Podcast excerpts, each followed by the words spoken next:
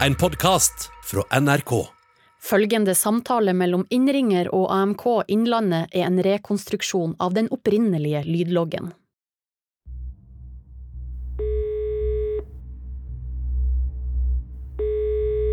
Det er Simen Bekken som ringer. Eh, vi har kjørt bikkjespann fra Bjørnåli-sida innover Ildmandalen. Ilmandalen. Og uh, kompisen min har slitt av uh.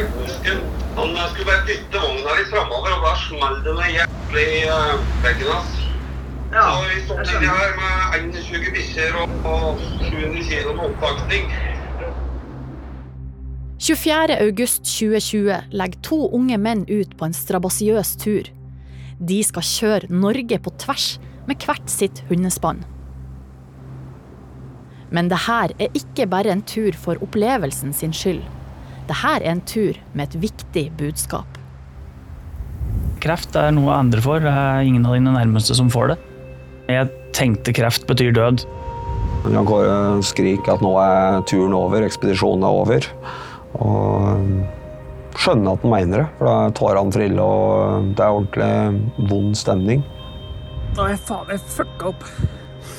Fucka opp hele turen. Faen!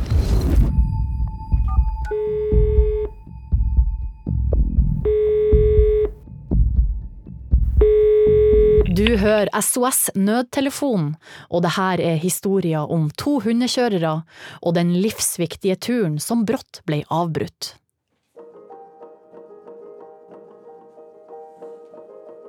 Jeg har jo drevet med hundekjøring i seks-sju år nå. Det var jo en liten sånn Det ble sånn etter at jeg og Marte skaffa oss en kajakk. Så da har jeg kjørt bikkjer en del år. Kjørt litt løp, vært med på Finnmarksløpet tre siste åra. Ja, det har blitt en del av livet vårt. Det har blitt unga våre, egentlig. Jan Kåre Heiberg er en 38 år gammel mann med gutteaktig sjarm. Og det var denne sjarmen han fikk brukt da han møtte sin fremtidige kone Marte en fuktig kveld på byen på Gjøvik. Tolv år siden så møtte jeg og Marte. Eh, Jeg sto i bar overkropp på en bar og er sånn passe gæren i Gjøvik. Eh, At Marte falt for meg, da har jeg egentlig aldri skjønt. Marte var en veldig snill person som brydde seg om eh, absolutt alle. Eh, alltid vært bekymra for alle andre og eh, ja, tenkte først andre som meg sjøl. Hun var eh, fryktelig pen, da. Og lita og gossin, som vi sier på Gjøvik. Hun var veldig sjarmerende, så det var ikke så veldig vanskelig å falle for hun. Jan Kåre og Marte forelsker seg og blir et par. Etter sju år går Marte til legen fordi hun har uregelmessige blødninger. Ingenting kunne forberede dem på de neste årene som blant annet skulle innebære 20 runder med cellegift og over 40 strålebehandlinger.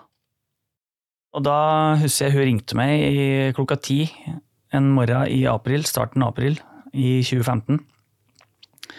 Eh, og sa da at eh, nå må du ta det helt med ro, Jan Kåre, men de sier her at jeg har fått livmorhalskreft. Eh, jeg tenkte kreft betyr død med en gang, så jeg var sikker på at nå er sikkert Marte død om en måned, så jeg fikk jo helt panikk.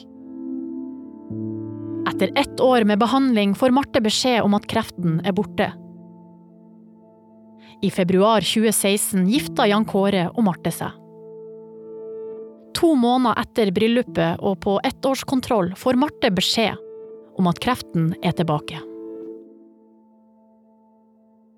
Vi har egentlig klart å leve helt vanlig, til tross for at hun har vært gjennom det hun har vært gjennom, så har vi ja. Marte har dratt med meg. Det er hun som bestemte at eh, selv om det var dårlig vær, så skulle vi ut og gå tur, mens jeg ville ligge på sofaen. Så hun var en sånn eh, ja, at hun ikke skal ligge og synes synd på seg sjøl. Vi har jo hatt bikkje hele perioden vi har vært sammen. Eh, Kajakk er elleve år nå, da, og vi var sammen i tolv, så eh, det har vært livet hennes, Marte. Har vært å ut på tur med bikkja. eh, Bikkjen etter hvert. Eh, Jeg har jo nesten kasta opp bare jeg har sett en sånn begravelsesbyråbil kjørt i Gjøvik og Eh, ja, jeg har jo tenkt på at en dag kommer Marte til å ligge bak en sånn en. Kjørt forbi en kjerkegård, så har jeg tenkt at jeg vet ikke hvor lenge det er til, men snart så ligger Marte under jorda på en sånn plass. Og jeg har jo tenkt sånne vonde tanker hele tida, som du egentlig ikke vil tenke, da. 22.12.2019 måtte Marte gi opp kampen mot kreften på Lillehammer sykehus. Igjen sto Jan Kåre og hundene. Jeg har noen dager jeg tenker at det er så bra at Marte fikk slippe, og slippe å oppleve den i koronatida og ligge der alene isolert. For det hadde jo vært helt forferdelig. For hun var Oh.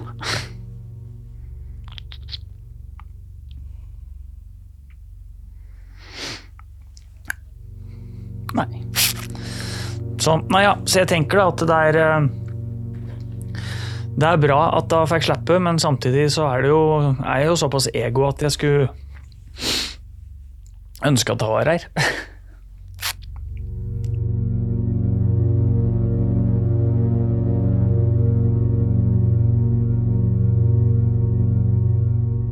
par måneder etter blir Jan Kåre kontakta av Simen, en bekjent fra hundespannmiljøet.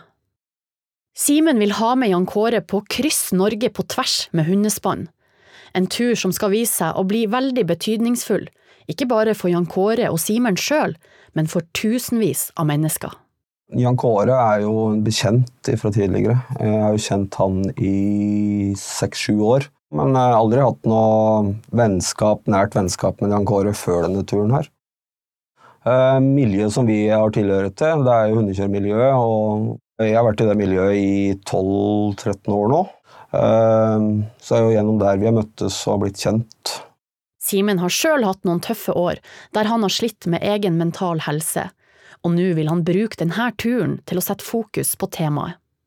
Det er en hverdagslige mentale helse som er viktig for meg, og jeg vet at etter hvert at det er veldig viktig for mange, mange andre. Og spesielt vi gutta. Vi er jo fryktelig dårlige til å prate om følelser generelt. Nei, da jeg kom på den turen, så Da var jeg litt i kjelleren, og jeg, jeg hadde behov for å liksom komme meg ut på et prosjekt og et mål. Da. Så målet som da falt ned i huet på meg, var litt for stort for meg sjøl aleine. Så da måtte jeg prøve å finne meg med en som eh, hadde lyst til å bli med, og hadde dum nok til å si ja. Nå vil han ha med Jan Kåre på en 727 km lang reise fra Femund i øst til Stad i vest en reise gjennom Norge på tvers med 20 hunder. Jan Kåre er et ja-menneske, og takker ja til tilbudet. Han ser på reisa som en mulighet til å samle inn penger til hjertesaken som for han betyr mest. Utgangspunktet og hensikten med denne turen her var egentlig det at uh, først og fremst så skulle vi på denne turen for meg og Simen sin del. Vi endra hensikten med turen litt før vi starta, med at vi tenkte på det, dette her med innsamlinger og gode saker og noe å kjøre for, og en enda større grunn til å gjennomføre. Eh, og da, da kommer dette her med Mental Helse Norge inn, og Gynkreftforeningen. Jeg er jo over snittet glad i å samle inn penger til Gynkreftforeninga, for det er en forening jeg skulle ønske jeg kunne gitt mange millioner. I forkant av turen oppretta Simen og Jan Kåre ei Facebook-gruppe der de dokumenterer reiser. Engasjementet blant folk er stort. Det er mange som vil følge de to. Så da var det jo helt vilt å følge med på engasjementet som dette her drog med seg, etter at vi lagde en direktesending på Facebook, egentlig bare på tull, første kveld. Og så så vi herregud, det er jo 100 stykker som ser på dette her. Og engasjerte seg og var så glad for at vi var to gutter som uh, turte å prate om disse tinga. Både om å åpne seg og tørre å prate med om det er en kompis eller god venninne, eller om det er, eh, er en psykolog eller en sosionom eller whatever, egentlig. Allerede før de starta på selve turen, er det over 5000 som følger dem i sosiale medier. Og Simen og Jan Kåre trykker opp kopper og T-skjorter som de selger til inntekt for sine hjertesaker. Og det er mange som ønsker å bidra med si støtte søstera mi og folk rundt oss eh, som satt og solgte både T-skjorter og kopper, fikk veldig mye å gjøre. For det kom meldinger i alle retninger, så de satt jo hjemme og drev Posten Norge fra egen stue.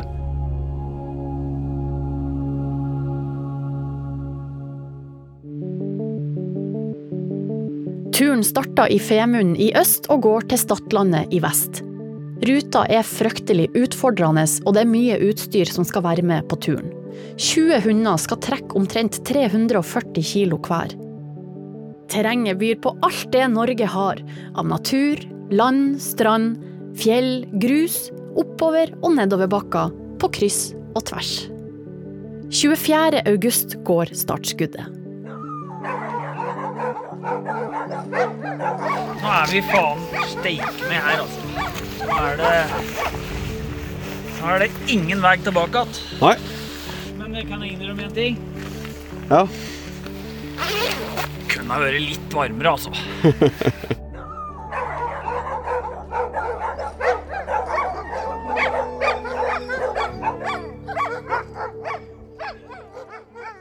Etter et par uker har de kommet seg til Bjørnholia i Rondane, og nå skal de videre inn i Ilmanndalen, der terrenget skulle vise seg å være skikkelig utfordrende.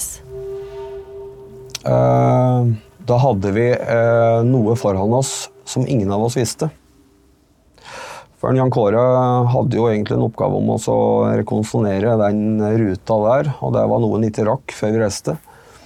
Så vi var veldig spente på Rondane. Vi har jo gått ut med ruta vår og fått uh, veldig mange spørsmålstegn hvordan vi skal greie å takle dette. Så det var en Jeg husker om morgenen åh, det var seks-sju grader, og det var helt perfekt. Sola begynte sånn å kikke gjennom, men det var fortsatt kaldt. da. Så vi kjører oppover fra Bjørnolja oppover der, og skal jo over da til eh, Ronnvassbu. Eh, stupbratt oppover. Det er jo veldig fint å gå på beina, men det er ikke tilrettelagt for eh, noe annet enn bein og eventuelt litt uh, sykling for noen som liker den typen sykling. Så det, var, det er jo bare stein. Men vi durer nå i hvert fall oppover, og det går greit de første ja, 500-600 metera. For da er jeg på grusvei, og så svinger vi til oppover stien og skar videre. Og da kjører vi ca. 400 meter, og da må vi stoppe og gå fram, for da er det så skrått at vi må begynne å bære. Og Simen velter med vogna si, så det er jo 340 kilo som ligger på hugget nede i en skråning, så da bikkjen sto veldig godt med et fint anker der. De fikk ikke komme etter oss når vi begynte å gå framover for å kikke hvordan det ser ut. Og da er det jo 800 meter framover med, med helling. De innser at hvis de skal komme seg videre, blir de nødt til å bære utstyret over steinene. Et tungt og tidkrevende arbeid. Da vi var ferdig med den dagen, så etter ni timer, ganske harde timer, jeg tror knapt nok vi spiste lunsj den dagen, så hadde vi forflytta oss 1,6 km. Eh, og én ting er den fysiske utfordringa når du skulle bære såpass mye kilo fram i steinura. Det andre er den mentale biten av. Når du har gått eh, tolv turer frem og tilbake en kilometer, så, eh, så, begynner du å bli lei av det du ser rundt deg, og lurer på egentlig hva er det vi har kasta oss ut i. Det ble mange gloser som ikke passer seg på podkast eller eh, andre offentlige mediumer. Som Simen sa, har de flytta seg 1,6 km de siste ni timene, og er ennå ikke kommet seg over fjellura. I morgen gjenstår nok en fysisk slitsom dag. Dag nummer to da begynner vi å klatre høydemeter. Går veldig bra. Vi har et godt samarbeid. Vi eh, jeg flyr foran eh, spannet mitt eh, som lederhund og er med og drar opp bratta, for det er skikkelig bratt opp. Kan se for deg ti hunder som elsker å trekke, som da gjør alt for å dra det framover. Ikke klarer det, så er det ganske bratt. Jeg nok, kjenner nok litt på en greie jeg ikke kjente på når jeg var liten, og det var at eh, det var noe frykt der. Så jeg syns det var litt skrått og litt vel skummelt. Jeg er jo egentlig ikke sånn, men eh, det var veldig helling, da. Så da kjører han Simen ned først, og så skal jeg kjøre rolig og forsiktig etter. Eh, og det gjør jeg òg, men da får jeg en overbikk, så da velter jeg òg med vogna. Og den går faktisk rundt noen ganger. Ta alt til, så har jeg så langt tau bak at den snurrer bare rundt i lufta, sånn at bikkjen eh, står helt stille. Så det blir eh, null skade på bikkjen. Vogna og medisinkassa mi og bagasjen min og litt sånn, den der må jeg samle opp igjen rundt omkring oppe i fjellet der. Og vogna blir rammeskakk eh, og punkterer og litt sånne ting. Men eh, Simen han klarer å ta det med ro. Jeg har sagt det mange ganger på denne turen her at gudskjelov så er det én Jan Kåre bare og én Simen. For hadde det vært to Jan Kåre, så hadde det gått fryktelig galt. For jeg blir eh, veldig mye sintere enn han der trauste gudbrandsdølen, for å si det sånn. Så han eh, bare slår i bordet og sier at nå må du roe deg, hvis ikke så blir vi her. For dette sinnet ditt funker ikke på noen ting. Etter to tunge dager over ura er de endelig klar for å fortsette turen sin. Men uflaksen er ikke over ennå for Jan Kåre. Så han skrur sammen den i vogna og fikser og ordner. Og så da skal vi over bare ei steinrøys til på en 15-20 meter, og så er det faktisk en sånn grasslette nedover. Så den var liksom sukkerbiten, da. Vi kommer oss ut på den grassletta, kjører nedover, og nå har jeg gått i noen uker og dytta denne vogna opp og ned og ikke ødelagt noen ting. Eh, Men da setter jeg meg bare fast i ei lita grasstue på 15 cm. Skal bare dytte vogna litt og få bikkjen til å dra, og da smeller det i leggen. Så da er jeg 110% sikker på at der røyk akillesen. Jeg hogger på bremsa på vogna og snur meg med en oppfatning av at her er alvor. Eh, Fordi at jeg hører Jan Kåre han belger og skrik, og at nå er turen over. Eh, Så jeg, jeg skjønner jo alvoret. Da har jeg faen meg fucka opp. Fucka opp hele turen. Selv om Jan Kåre har store smerter, har de blitt enige om at alt skal dokumenteres til Facebook-sida deres, uansett hva som skjer. Nå kommer jeg aldri til å ha fullført dette her. Så sint at jeg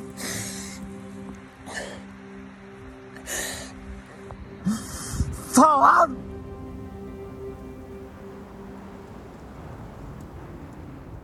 Det kom to gutter gående som hjalp meg ta med skoen og fikk bandasjert leggen. og sånn, og Da så vi at, at akillesen var på plass. Så da regna jeg med at det var en, ei sene eller en leggmuskel eller et eller annet. Jeg klarte i hvert fall ikke å gå på det. Så da spruta tårene, og jeg bare roper til Simen at nå er turen over. Simen og Jan Kåre innser at denne gangen kommer de seg ikke videre. Denne gangen trenger de hjelp. I dalen er det dårlig med dekning. Simen må opp i høyden for å kunne ringe nødtelefonen. Han tar beina fatt og sprenger opp på en fjelltopp.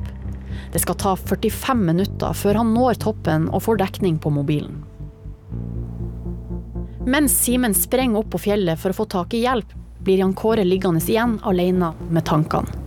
Ja, jeg ligger igjen nede i lyngen eh, og ser på at han går oppover denne fjellsida og tenker at eh, nå skuffer jeg meg sjøl, nå skuffer jeg en eh, Simen. Nå skuffer jeg ikke minst av Marte, for jeg ville så gjennomføre denne turen for hun, og jeg tenkte òg på alle som følger oss på, på sida vår og syns dette er stor stas. Når dette skjedde, så var det én ting som gikk gjennom hodet mitt, og det var at jeg skal i hvert fall gjennom denne turen her. Men eh, åssen, det vet jeg ikke helt. Etter Simen omsider har funnet dekning nok til å ringe 113, blir han likevel sittende ei lita stund og reflektere over situasjonen han er i. Jeg husker det at jeg satt opp av steinen der jeg hadde Oi, her er dekning. Så måtte jeg enda trekke pusten et par ganger, for at det der med å ringe, ringe SOS og be om hjelp Så tenker du selvsagt over at det er et stort apparat som du setter i gang. Men jeg ringte AMK og hadde en samtale om skadeomfang, eh, hvor vi var hen, eh, og sånne ting. Han har også fått kontakt med søstera til Jan Kåre, som skal varsle folk i hundekjørermiljøet, i håp om at noen etter hvert kan komme og hjelpe han med utstyret.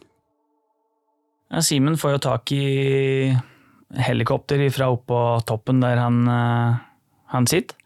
Og da kom han flygende ned igjen. Tok et ja, kvarter å gå ned igjen, for han jogga nedover den fjellsida. Og da sa han det at de er her nå straks. Og da rakk ikke han omtrent å si det før han vi hørte helikopterlyden, så jeg tror det tok ca. et kvarter før de var på plass. Og da de landa 30 meter nedafor der vi var. Så han Simen kom bort opp med, ga meg en klem og sa at bare så du vet det, jeg skal til Stad uansett. Jeg skal fullføre for deg og Marte, sa han. Takk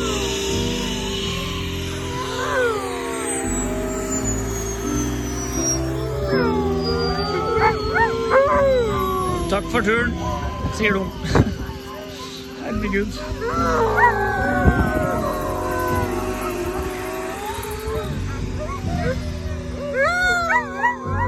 Da knakk jeg veldig når jeg dro fra bikkjen, for eh, når helikopteret landa og de uh, kara begynte å ta med meg bortover, da satt alle ti bikkjene mine og ula. Så de merka at det var et eller annet rart. Og disse bikkjene der har vært så rolig på naturen på natta og sånne ting. Eh, tilbakemeldingen fra Simen eh, var det at eh, når jeg drog, så hadde de ula hele natta.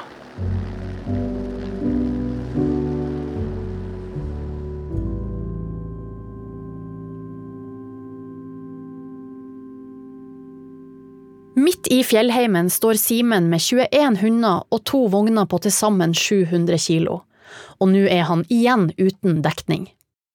Han vet at noen kompiser som bor i Gausdal har fått beskjed om situasjonen, men det er vanskelig å si hvor lang tid de vil bruke på å komme seg inn til han.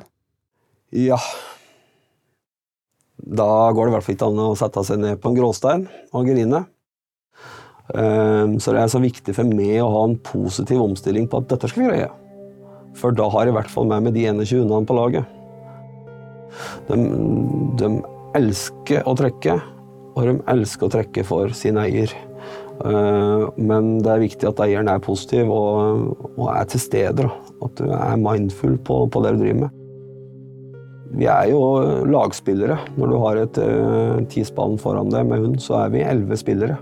Uh, og det er min oppgave å lede dem og ta vare på dem. Simen begynner å flytte vognene fremover. Han må hele tida ha visuell kontakt med hundene, og i timevis går han frem og tilbake mellom vognene og flytter de 100 meter av gangen. Men Simen mista ikke motet. Det det var tøft. Uh, vi hadde jo satt i gang et voldsomt engasjement. Uh, mange på ruta foran oss som forventa og hadde tro på at de skulle få møtes og slike ting, så det var jo tøft uh, nederlag. Mm, Og det var nok òg med på å motivere meg at jeg skulle forover uansett. Jan Kåre har blitt flydd til legevakta på Otta. Der får han nedslående nyheter. Gulleik Riksåsen er legen som undersøker Jan Kåre. det han har gjort her, han har, han har røket en, en god del fibre i leggmuskelen. Akkurat på overgangen mellom eh, de dypere leggmusklene og de overfladiske. Så er det helt klart at eh, her var det såpass omfang at han greide ikke å skyve fra med det beinet. Så det som er eh, videre gangen i det da, det er at eh, vi ber pasienten holde det i ro, og så kan vi undersøke det på nytt etter noen få dager eh, for å se hvordan utviklingen er. Ofte kan det være vanskelig innledningsvis å, å si om dette er en skade som kommer til å ta to uker, eller om det kommer til å ta to måneder altså, før han er fullt restituert. Men Jan Kåre har ikke to uker. Han har ikke engang to timer. Han skal tilbake til Simen og hundene. Jeg skjønner at eh, han legen er kanskje ikke helt fan til at jeg skal bli kjørt opp igjen i noen fjell, men eh, det lokker øra ganske greit for. Det er jo mange folk som ikke følger legens råd. Det, det er jo, da begynte vi å komme over i praktisk tenkning. Eh, hvordan kan vi få til at han greier å stå på beinet uten å bruke de musklene mer enn helt minimalt? Jan Kåre får satt på ei skinne som skal stabilisere beinet. Han får overnatt hos en kompis, og allerede dagen etter får han sett på med en annen hundekjører ut til Ronvassbu, og der skal han vente på Simen.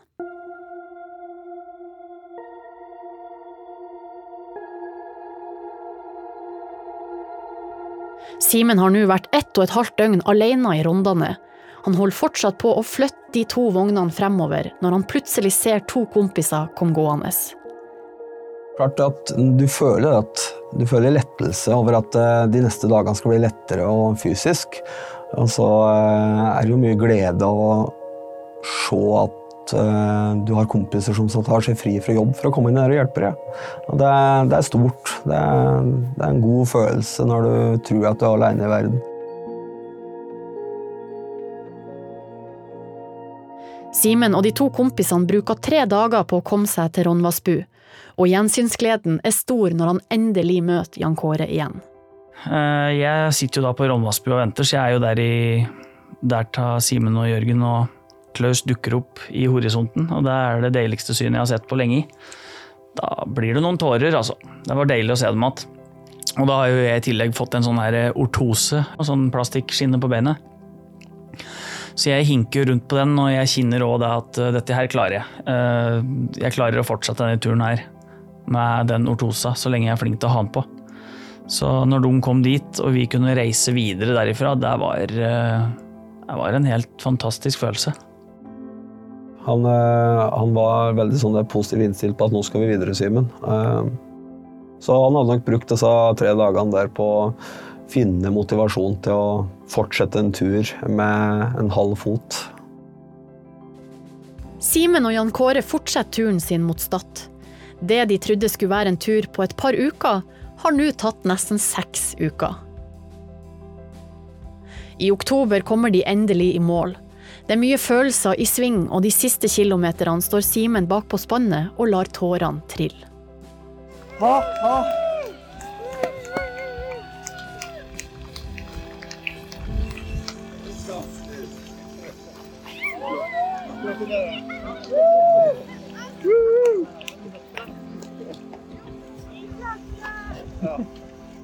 Altså, du kjenner jo Jeg står jo faktisk bak på denne vogna og græt i mange kilometer. Eh, og du kommer ut mot Stad, og det er vokser dette her litt ut av dimensjoner du har kontroll på. For at eh, du ser stranda Gjervik er full av folk. De har parkert eh, traktorer med målseil. Første som står ved mållinja, er jo ordføreren. Dette er jo ting som ikke vi overhodet hadde planlagt. Vi hadde tenkt vi skulle komme opp på denne stranda en stille kveld, vi- så skulle vi knerte oss en pils og kose oss med det vi hadde gjort. Men der er altså Helt ut av det blå så har bygdesamfunnet tatt tak og viser engasjement, og ordføreren står og tar imot oss og holder en fantastisk tale for oss. Kjære Simen og Jan Kåre. Hjertelig velkommen og gratulerer med å ha gjennomført det helt, helt unik reise. Det tror jeg ingen har gjort før dere. Jeg vet ikke om dere kommer til å gjøre det senere heller. 700 km på tvers øst-vest i Norge. Gjennom Facebook-gruppa nådde Jan Kåre og Simen ut til over 13 000 mennesker som fulgte dem hvert steg på reisa. De har samla inn ca. 400 000 kroner til hjertesakene sine. Jeg har lyst til å berømme dere uendelig mye for det dere har gjort. For dere har ikke gjort det her for dere sjøl, først og fremst, men for å sette fokus på noen utrolig viktige saker som berører alle, uansett hvor en bor i Norge.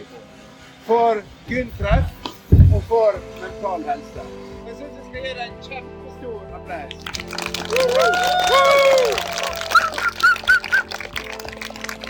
Mental helse i dag er jo veldig der tabubelagt. Det, det henger med litt skam. Men jeg får jo veldig mye meldinger fra middelaldrende karer som støtter prosjektet og kjenner seg igjen, og det er veldig stort. Nei, det er et eh, ettertid, etterkant av prosjektet så hadde jeg ikke forventa så mye positive tilbakemeldinger. Vi må i hvert fall få lov til å klappe oss sjøl på skuldra for, eh, for at vi har fått fremma saka veldig bra. Vi har fått masse tilbakemeldinger av jenter som, og gutter som har tatt HPV-vaksina. Marte hadde ikke tatt HPV-vaksine. Uh, Marte fikk, hadde HPV-viruset, som gjorde at hun utvikla livmorhalskreft. Uh, Hun kunne ha sluppet og fått det viruset eller livmorhalskreft hvis hun hadde hatt HPV, tatt HPV-vaksina i, i ung alder. Det kom mye godt ut av dette eventyret. Mer enn Jan Kåre og Simen hadde turt å håpe på. Ikke minst et nytt vennskap. Jeg husker at Første gang vi møttes etter turen, vi skulle ha en sånn direktesending som ble veldig populær under turen, så, så trodde vi at Jeg gikk med den følelsen av at jeg savna det å sende direkte sammen Jan Kåre, men jeg, egentlig så, så savna jeg en Jan Kåre. Så vi har jo egentlig fått et uh, unikt vennskap. Vi er litt sånn av og på i hverdagen og etterpå, men For min del så er jeg veldig klar for å reise på tur igjen med Jan Kåre. For jeg tror jeg er langt imellom turpartnere som det fungerte så godt sammen som jeg og han gjorde.